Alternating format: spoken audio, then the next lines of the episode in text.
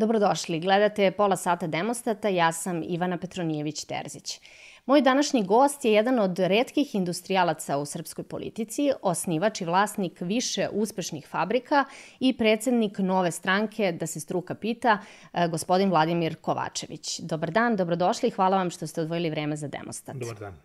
E, vi ste treći predsednik e, nove stranke i nakon što ste preuzeli stranku dodali ste taj slogan e, da se struka pita, verovatno povezujući vaše uspešno biznis iskustvo sa politikom. Mi smo u našim istraživanjima javnog mnjenja i ispitivanjima mnjenja primetili da je taj slogan dosta uspešan kod građana i da ga građani vide kao jedan od najboljih slogana na, na, na srpskom političkom tržištu. Ali recite mi, šta to da se struka pita pita zapravo znači konkretno u, u politici? Pre svega ja mislim ako bi pitali one koji glasaju danas za SNS i abstinente i oni koji su poklonili svoju e, pažnju i poverenje opoziciji da svima podjednako nedostaje ta struka u svim sferama života. Po nama, po industrijalcima i ljudima koji su op, ophrvani idejom da naprave pomak na bolje ovoj državi u ekonomiji, nama je to esencijalno pitanje. Dakle, ne možete pomicati stvari na bolje ako nemate stručne ljude. E, vi ste novo lice u politici i predsednik ste jedne stranke koja se dosta bavi ekonomijom i o tome i vi dosta pričate. Jel možete u kratkim crtama da nam kažete koje su ključne stvari e, programa vaše stranke i vašeg programa koje bi, koje bi građani trebalo da znaju? Pre svega mi imamo niz mera, konkretnih mera koje će poboljšati standard življenja e, građana Srbije i to s mesta ako mi dobijemo poverenje da predvodimo u tom delu makar e, državu. E, mi smo zapravo konceptualno odustali od jedne stvari koju mi nismo, trebali smo ih razumeti pre e, nekoliko decenija ranije, a to je šta je to ekonomski integritet. Mi kao država nismo nikad postali postigli ekonomski integritet. Ljudi me pitaju šta vam je to, Vladimir, ekonomski integritet. Najlakše se objašnjava na taj način.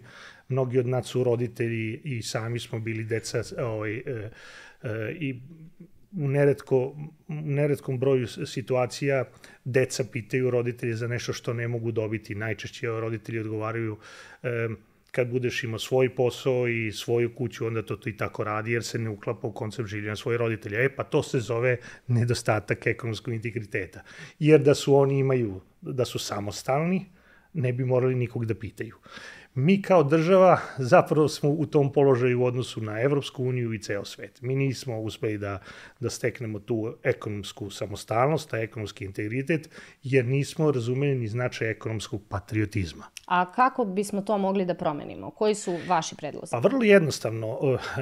U mom životu nakon 30 godina e, e, privredničkog iskustva gotovo je sve jednostavno.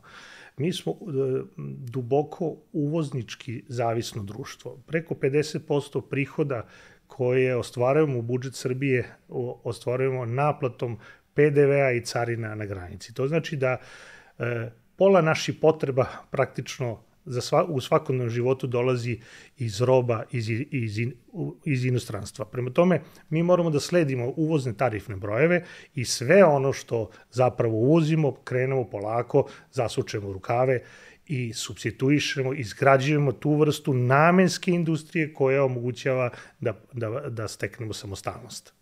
A koliko bi nam vremena bilo potrebno da steknemo samostalnost? Pa vidite, jednu fabriku vi ne možete da napravite ispod, ispod m, tri godine potrošenog vremena. Dakle, između tri i pet godina mi možemo da steknemo sve što godinama i decenijima ranije nismo uspeli da uradimo.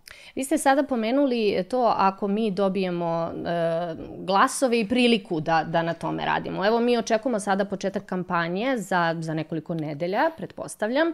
E, kako vi vidite razgovore o kolonama u opoziciji? Gde tu vidite novu stranku? Kako vidite mogućnost sinergije i kakvu e, očekujete da će ulogu Nova imati e, na predstojećim izborima? Pre svega ja vodim mm, stranku tako da ona bude komplementarna sa e, svim drugim strankama koji prihvataju značaj i važnost našeg ekonomskog programa ili fokus naše e, delovanja je zapravo poboljšanje standarda življenja, to se najbolje odslikava kroz e, ekonomiju i kroz reformu zdravstvenog sistema Srbije, gde mi smatramo da smo potpuno kompetentni.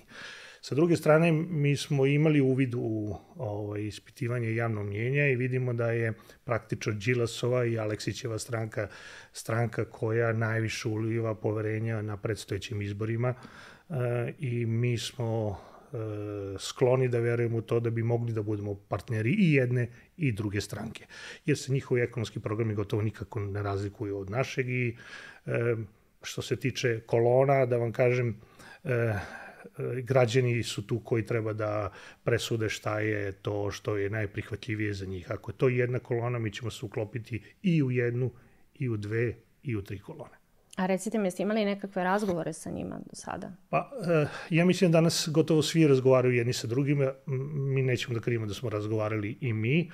E, nikakav e, finalni sporazum nije napravljen, sve je još uvek otvorena knjiga i, od, i dalje su otvorene pitanja. Dakle, mi, kao što sam rekao, treba budemo kompatibilni i jesmo kad je u pitanju ekonomija. Ka, na šta će biti final, to ćemo u narednih danima i sedmicama sigurno imati šansu i svi da se informišemo u javnosti. E, vi, opet ponavljam, dosta govorite o ekonomiji i mislim da bismo jedan deo razgovora e, trebalo i, i ovde da posvetimo upravo tome. I sada ste pominjali da nam nedostaje ekonomski integritet, a to je nešto i ekonomija je uopšte nešto što naše građane dosta interesuje. Mi u našim istraživanjima, posebno u poslednje vreme, vidimo da je upravo standard životni i ekonomija ono što dosta interesuje građane i brine ih.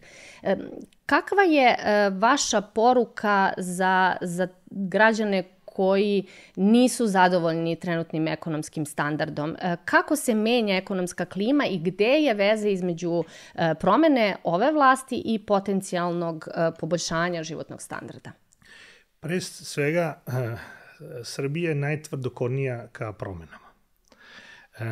I promena uliva strah da neće doći do poboljšanja, nego će doći do pogoršanja življenja. Ja moram da dam jasnu poruku svim budućim biračima i glasačima na, na, na predstojećim izborima, ukoliko bude opcija da, da glasate ili vidite u nekoj grupaciji novu stranku da se struka pita, budite sigurni da je ekonomski program koji je, mi predlažemo budi e, osjećaj sigurnosti i unapređenja standarda življenja svih građana. E, Dakle, plata, ajde da kažemo nešto konkretno, da ne ispadne da pričamo praznim mm -hmm. rečima, plata je nešto što preko noći može da naraste bar za 30%. Mi pokušat ću jednostavno da objasnim da za, za, e, za e, dobre stvari čak i ne mora da se potroši puno novca. Naprimer, mi se zalažemo za to i pokušat ćemo da objasnimo svima za, da, da mi pre svega platu moramo da doživljamo u bruto iznosu. Šta dobijemo time? E, građani ne znaju da poslodavci daju 60% e, na osnovicu koju nose kući praktično državi. A mi se ni ne pitamo, pošto je interes i države, da se zaboravi taj deo. dakle, taj deo poslodavce košta, a država ih e, taj deo podrazumeva, čak i zaposleni nemaju osjećaj da su dali 60% svoje zarade državi. Dakle, morat ćemo da pitamo državu šta dobijaju građani za ti 60%. To je pod jedan. Pod dva, mi se zalažemo za to da ta osnovica e, koju daju poslodavci državi bude niža, da se e, to bude 50%, pa matematički to može da dođe e, i lako da se objasni na 500 evra, ako date 60%, to je ovaj, 30, praktično 300 evra dajete državi. Mi do sada imamo neku 47.000 e, imamo osnovicu uh mhm. -huh. i sa 60%, matematički ko bude hteo da, da izračuna može se dođe do toga, da mi možemo praktično osnovicu da preko noći podignemo na 60.000 sa 50%, E, davanja e, e, obavezno dalje u procentima za državu, a apsolutne vrednosti i prihode za državu se neće nikako promeniti i u jednom i u drugom slučaju će država dobiti apsolutni iznos prihoda za budžet identičan da država ne bude ugrožena. Dakle, sitnim kreativnim merama Mi praktično preko noći sa 48.000 mi možemo prvog dana kad dođemo na vlast već da podignemo minimalac na 60, a da niko ništa nije izgubio. I svi su dobili, svi su se pomalo nešto odrekli, a država nije ugrožena. Takav je koncept kreativnih mera e, e, osnova da mi budemo sigurni da, da standard življenja građana može biti sve veći i veći. Jeste, ali moramo da znamo da je u ovom trenutku imamo dosta visoke cene, visoke cene hrane, imamo najviše cene goriva u, u regionu. E, kako sa tim da izađemo na kraj? E, imamo i e, kartele marketa koji uređuju cene onako kako, kako njima odgovara. Imate rešenje za to? Tako, pre svega bih rekao da ne može da se pretiče inflacija dizanjem plata. To mora svima biti jasno. Uh mhm. -huh. I država to dosta vešto stalno priča o tome kakve su plate u, u, u eurima bile nekada, kakve su danas. Suština je plate šta se za nju može kupiti, a ne ona kolika je. Prema tome, ovaj, tu malo država podvaljuje. Mi smo za to da e, te cene koje e, su problem za e, građane Srbije dovedemo u jedan normalni položaj, ali to ne može da dođe preko noći. Dakle, rekao sam na početku razgovora, ako ste vi duboko uvoznički zavisno društvo, onda su vama od dve ruke jedna u startu zavezana i vi ne možete se suočavati sa, sa inflacijom. Dakle, morate početi da proizvodite ono što kupujete u inostranstvu.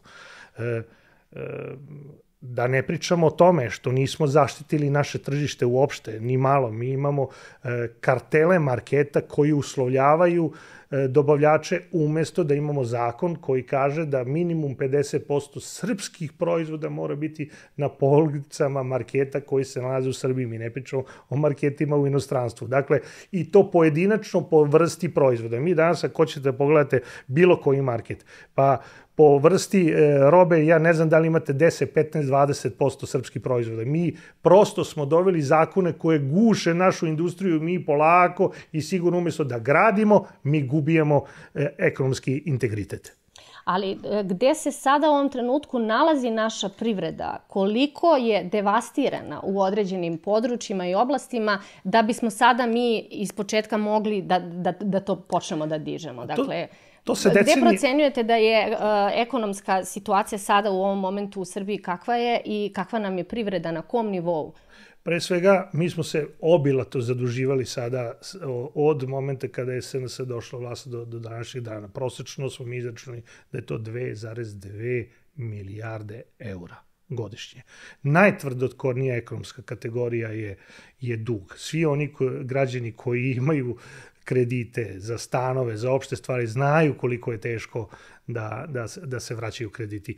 E, ova vlast je praktično napravila nama jedan ogromni teret na leđa, recimo ako prosečno može e, jak muškarac da nosi 20 kila, mi smo ga sad stavi na leđa i 40 i 50 kila, smatrajući da ćemo uvek biti vitalni i da će nam industrija i prihodi biti takvi da mi te kredite dugoročno može, možemo da nosimo. Ja smatram i e, tim ljudi oko mene da mi tu potpuno grešimo. Da mi e, nismo smeli to da uradimo našim generacijama i tolike terete da ostavljamo. Dakle, mi se moramo suočavati da gradimo e, standard građana ne na kreditima, već na sobstvenoj proizvodnji moramo biti odgovorni, jer e, ambijentilni uslovi koje mi imamo ovde govore tako da su oni nepovoljni i za mlade ljude. E, ove godine, evo, možda i to možemo da kažemo, da preko e, gubili smo godišnje 50.000 E, ljudi koji su iseljavali iz e, ove naše lepe zemlje. Dana, ove godine su procene da će to biti 75.000 ljudi. Ne trebate da budete e, pretrano pameti i da, da ne konstatujete ili da konstatujete kako hoćete da priđete ovoj, ovoj konstanti da mi nemamo dobre ambijentne uslove da, da mladima pružimo sigurnost da, da će steći željeni život u ovoj našoj Srbiji. Dakle, zadatak je vrlo jasan, mi moramo to da, da uradimo. Fokus mora biti samo ekonomija. Mm, fokus ekonomije i deo, deo toga je i poljoprivreda. Tako I e, da li imate odgovore na neka velika pitanja u, u toj oblasti? Evo sada opet čujemo nekakve najave da može ponovo doći do protesta poljoprivrednika.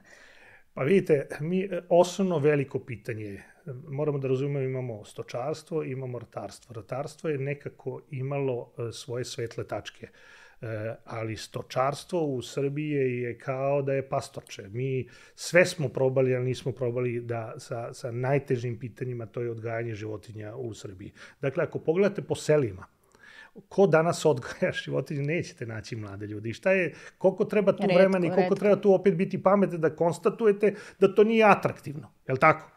Pa prema tome, ako to nešto nije atraktivno, morate krenuti sa, sa pojačavanjem atraktivnosti ukoliko nam treba meso. Ako nam ne treba meso, evo vi kažete, ja ne znam kojoj zemlji ne treba meso.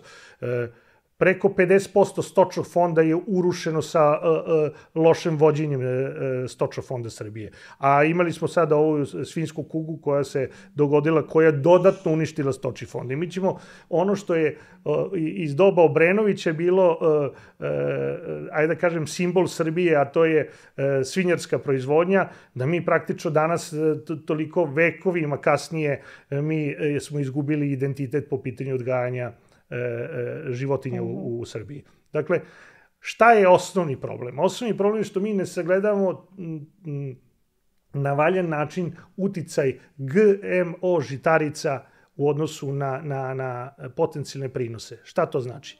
Mi smo se odrekli GMO e, žitarice i zrna i ja mislim da smo to dobro uradili misleći o, o, o, o svoje deci. Međutim, zapadni svet je doneo odluku da GMO žitarice daju, su poželjne, daju visoke prihode i odmah smo mi E, e, kad upoređujemo našeg seljaka u odnosu na seljaka Evropske unije u nepovoljnom položaju, jer GMO žitarice daju e, više prihoda, odnosno više prinosa i onda je konverzija hrane u odnosu na živu meru i u, u ovaj stoke praktično nepovoljnija kod nas. Dakle, ako smo se opredelili za to, mi moramo to konstatovati i pomoći seljaku da ne bude u lošijem položaju u odnosu na, na stočara u Evropskoj uniji. A onda imamo paradoks, odrekli smo se e, GMO žitarica, a kupujemo meso životinja iz Evropske unije koje su gajane istim tim GMO žitaricama. I na taj način dodatno konkurišemo Našem stočarima. Seljaku, tako I, da. I, I gledajte, evo, ja mislim, ne znam da li sam uspeo dovoljno da vam pojasnim, ali mislim da smo praktično napravili jedan paradoks. Drugo, na selu mi moramo selo dovesti u, u, u situaciju da ti mladi ljudi koje kasnije dovedemo se, ne smo ni to zaboraviti, da obezbedimo e, pošten market, e, e, apoteku, dom kulture, poštene restoran, jer i oni imaju pravo na savremen život i da odvedu svoju porodicu subotom i nedeljom u, u neki pošten restoran. To naše selo danas nema, mi to moramo obezbediti. Pa dobro, e, bilo je tih nekih akcija, da tako kažem, vlade Srbije kada je reč o selu. Ministar Krkobabić je imao neke akcije da se ljudi vrate u selo i slično. To po vama nije dovoljno? To svakako nije dovoljno. To je, to treba nastaviti, ali svakako treba sa mnogo atraktivnijim programima, to je pa, sama činjenica da, da se nije promenila previše struktura o, ljudi koji žive i rade na selu, a posebno mi sad pričamo o stočarstvu i ti ljudi koji se vrate na selo, oni dalje, o, i dalje po tom programu žive u selu, a rade u gradu. Mi treba da napravimo atraktivnost ostajanja na selu tako što će se oni baviti poslovima koji su vezani za selo. Mi danas imamo e, ratarstvo, takođe ratari koriste svoje e, kuće samo kao garaže za priključene mašine, žive u, u gradu. Kad dođu setvene i, i žetvene strukture, oni vade te mašine i praktično e, ih koriste. Dakle, e, mi imamo, kad je u pitanju ratarstvo, e, selo i seoska domaćinstva samo u, u, u statusu garaža za priključene mašine i, i velike traktore. E, meni je bila interesantna jedna vaša izjava gde ste rekli da, e, recimo, lekari ni po koju cenu ne bi trebalo da budu ministri zdravlja i da lekari ne bi trebalo da vode, e, da budu direktori domova zdravlja i, i kliničkih centara u Srbiji. Možete to malo da mi samo pojasnite? Ajde, evo sad ćemo vi ja da zaključimo da li to stvarno tako ili ne. Mislite da zapravo treba da ih vode neki ljudi koji imaju iskustva u Apsolutno, koji su mm. menadžeri. Gledajte, za nije paradoks? Prvo svega ajmo da konstatujemo da e, je medicinski fakultet jedan od najskupljih fakulteta svuda u svetu. On prilike košta u većini zemalja između 150 i 200 hiljada dolara po jednom svršenom lekaru. Plus e, specializacije. Dakle, čak i ako smo se mi opredelili da ona bude besplatna za naše studente, što treba da bude, to ne znači da to, to svuda u svetu toliko ne, i ne košta. Zamislite onda kada vi nekom dajete besplatno 150-200 hiljada dolara e, e, obrazovanja, u, besplatnog obrazovanja, a onda dopustite da taj e, čovek na neki način, kad bude e, e, svršen student, a oni nakon e, toga idu, lekari idu i na specializaciju, dakle, e, funkcijalnog lekara vi ne možete dobiti ispod 10 godina obrazovanja, onda ga poklanjamo nekoj Nemačkoj, Austriji i tako dalje. Dakle, e, mi moramo, mi imamo hroničan nedostatak lekara, to je pod jedan. Druga stvar, e, moramo biti odgovorni ti ljudi za, za to besplatno, odnosno makar roditelji ti studenta za to besplatno školovanje. Oni moraju da ostanu i da daju, i da daju praktično e, e, e službovanjem svojim e, doprinos da to besplatno školovanje vrate svojoj državi. A druga stvar je, pošto mi imamo sada hronično nedostatak lekara, da fino pozovemo sve lekare i da ih zamolimo da se vrate svojoj profesiji. Država je u njih uložila tolike godine, a oni nisu učili ni zakon o javnom nabavci, niti pravo, niti su učili e, e, o me, menadžerskim e, veštinama, niti su u, u, učili investicijono ulaganje, pa kako onda da jedan ministar treba da bude lekar? Na kraju krajeva e, nije tajna da je moja e, porodica investirala u u aktivnosti koje se naslanjaju na zdravstveni sistem e, Srbije, dakle proizvodimo lekove, prema tome i, i, i ja sam sam ekonomista, a e, oko nas moja porodica zapošljava i lekare i farmaceute i veterinare. Prema tome, oni treba da rade ono za što su obučavani, zato što su školovani, a menadžeri treba da rade poslove rukovodđenja, jer je e, ministrovanje najmanje lekarski posao E, asistenti, e, pomoćnici, državni sekretari moraju biti strukovni, ali sam ministar apsolutno nikako ne sme da bude lekar. Vi kažete da, da lekari vrate državi svoje besplatno školovanje, e, kažete ono što je velika istina da nemamo dovoljno lekara i sve ih je manje jer odlaze van zemlje, ali sa druge strane lekari imaju veoma niske plate u Srbiji, pogotovo ako rade u državnim institucijama. Zato imamo te probleme da rade i u privatnim i u državnim privatnim i slično. E, e, to znamo. Kako taj veliki problem prevazići. I ne samo lekari, imamo i prosvetne radnike koji isto imaju toliko niske plate da se pitamo da li će buduće generacije imati ko da ih uči matematiku, fiziku, hemiju. Tako, je pre, pre svega mi moramo da konstatujemo da su mi kao država e, e, zapravo pali na, na, e, na obrazovanju. Sve posle kad padnete na obrazovanju su, su logične posledice. Dakle, mi hitno i, i, i moramo vratiti obrazovanje na nivom onaj kakav smo imali, a treba se ugledati na obrazovanje kakvo je u inostranstvu, da vam kažem, ja sam svoju decu poslao u inostranstvo da završe e, škole i vratili su se u Srbiju i zajedno sa, sa ostatkom moje porodice su uključeni u jedan porodični posao. Dakle, mi to možemo da uradimo. E, te mlade ljude koji su završili visoke škole moramo da vratimo ovde i oni moraju biti baza da nas nauče šta su to videli u, u, u inostranstvu što bi mogli da primenimo ovde. Da, dakle, ali to, onda može to neko da uradili. kaže da nam je onda potrebna jedna cijela generacija ljudi koja će uslovno rečeno da taj Iznikne svoj život u inostranstvu e, žrtvuje i taj neki lagodniji, verovatno i bolji životni standard da bismo digli Srbiju na, nažalost na nekim je tako. Mi ne možemo prečicama više dolaziti do stvari i ad hoc rešavati stvari. Pokazali smo da možemo da dođemo do bogatstva prečicom, pokazali smo da možemo da dođemo čak i obrazovanjem do, do, do prečicom, ali znate do čega ne može se dođe prečicom? Do iskustva. Mi moramo da baštinemo iskustvo po svim oblastima najpametnije e, i najbogatije zemlje sveta prvo su baštinili svoje iskustvo, a mi ih propuštamo, mi u prethodnicima kažemo e, sve najgore. Dakle, e, kada budemo dovoljno bašteni svoje iskustvo, kada budemo nadograđivali sa, sa narednim generacijama E, e, to iskustvo, mi ćemo doći do željenih efekata koji smo izostavili. Nekako svi pokušavaju da naprave brze efekte bez postavljenog fundamenta. I svaka naredna politička generacija to kreće iz početka iz početka. Možda do pravog bogatstva može da se dođe prečicom, ali do pravog obrazovanja i iskustva ne može. A ono što sam htela da vas pitam jeste, e, e, činjenica je da opozicija vrlo često e, podcenjuje neke poteze vlasti koji se odnose se na određene kategorije stanovništva koje dobijaju izvesne beneficije, da kažem. Tu mislim na, na penzionere i 20.000 mesečno, majke sa decom po 10.000 po detetu i postoji jedan deo građana i tih kategorija društvenih koje e, se plaše da ukoliko e, se vlast promeni, oni više neće imati e, e, te dodatke, da tako kažem, koje, mislim, vlast daje, nećemo sada da ulazimo u to zbog čega, da li su to populistički potezi zbog rejtinga izbora i slično, ali e, koji je vaš odgovor na to pitanje? Kako vi vidite to? Ne treba da se plaše. Uh mhm. -huh. Pre svega, mi smo dužni kao E, novi je šalon političara da unapređujemo standard življenja i, i, i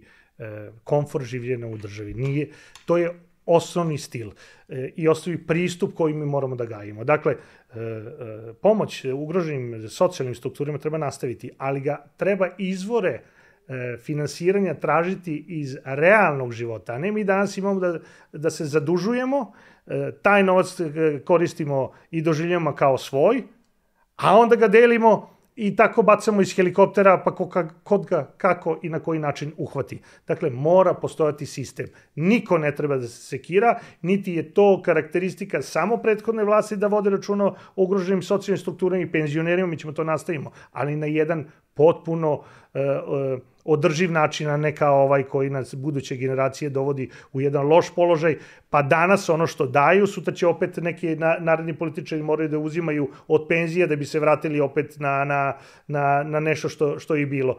Dakle, e, ova vlast je krenula od e, restriktivnih domaćinskih mera na početku svog mandata, da bi danas došla ultra populizam. Dakle, sve ono što su uradili zapravo što su pro, prosuli. Džaba su uzimali od, od penzionera da bi vratili sta, ekonomsku stabilnost države, kada su sada tri puta lošiju stvar uradili, mi smo sada prezadužena država i taj balon koji je neželjen treba naći sa veštinom novih političara da se izbegne da se ponovo ne uzimaju penzije e, u narednim godinama i da se vraćamo u, u stabilnost koju smo nekada imali. Ono što su isto dve važne teme za srpske političare, s jedne strane Kosovo, s druge strane srpska spoljna politika. Kada je reč o Kosovu, opet je u centru pažnje, i to ne samo naše, nego i svetske javnosti. I e, vi Inače, niste puno pričali, ukoli, ako se ne varam, o, o, o tom pitanju, ali da li biste mogli da po pitanju Kosova nađete neke ekonomske parametre, recimo, koji bi uticali na rešavanje tog pitanja? Ajde ovako ću vam reći. Moj, moja deca su studirala u Italiji. I kada vi e, sretnete, kad se dva mlada čoveka sretnu sa Balkana, jedan je sa Kosova ili Albanije u Italiji, oni su gotovo kao da su braća. A kad ih stavimo u, ovaj, e, u ovu mikrosredinu, oni su neprijatelji. Dakle, mladi ljudi ne treba da budu ophrvani e, nasledđem. Mi treba da gajimo odnos kretanje ljudi, dizanje standarda i sa jedne i sa druge strane. Ja pripadam onome šalonu političara što stvari ne guraju pod tepih.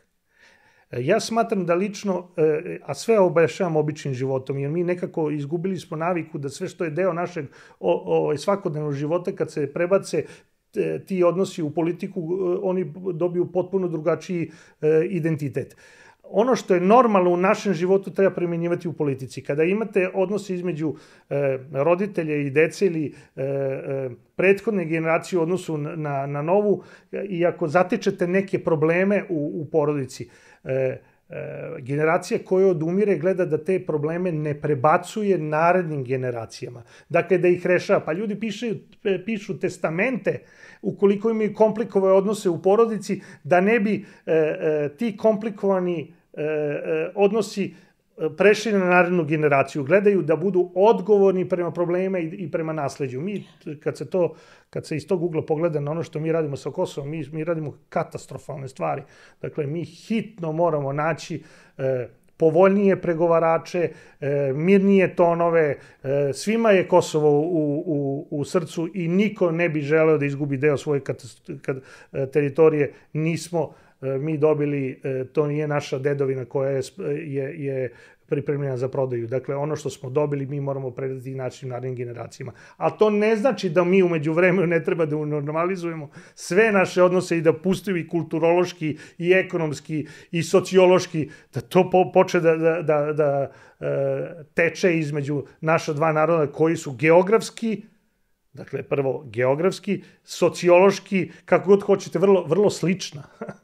A kada reč o evropskom putu Srbije, mi smo dugo na evropskom putu i vrlo često je taj e, put nekako zaglavljen. E, imamo osjećaj da to predugo traje, da ne napredujemo previše. Kako vi vidite te stvari? Ima li tom procesu kraja? Da li možemo da nekako ubrzamo taj put ili to ne zavisi samo od nas?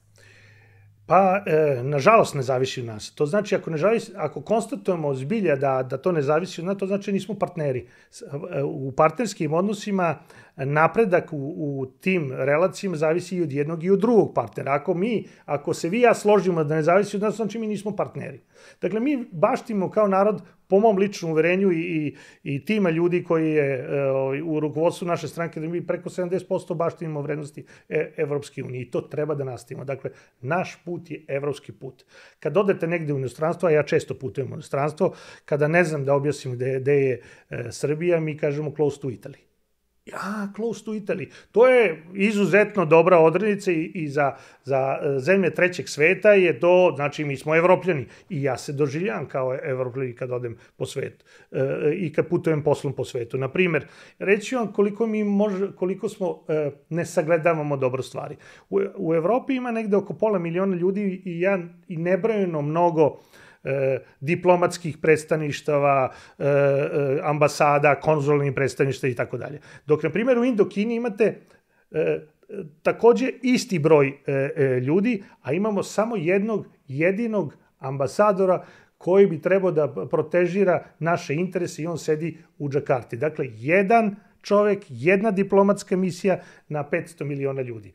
Hoću da vam kažem da m, država ovih dana e, pravi e, ugovore sa zemljama trećeg sveta, sa Kinom i, i drugim zemljama. Dačić je bio u Džakarti e, poslom da se liberalizuju neki mm -hmm. e, trgovinski sporazum i tako dalje. A istinski zapravo ne radi ništa.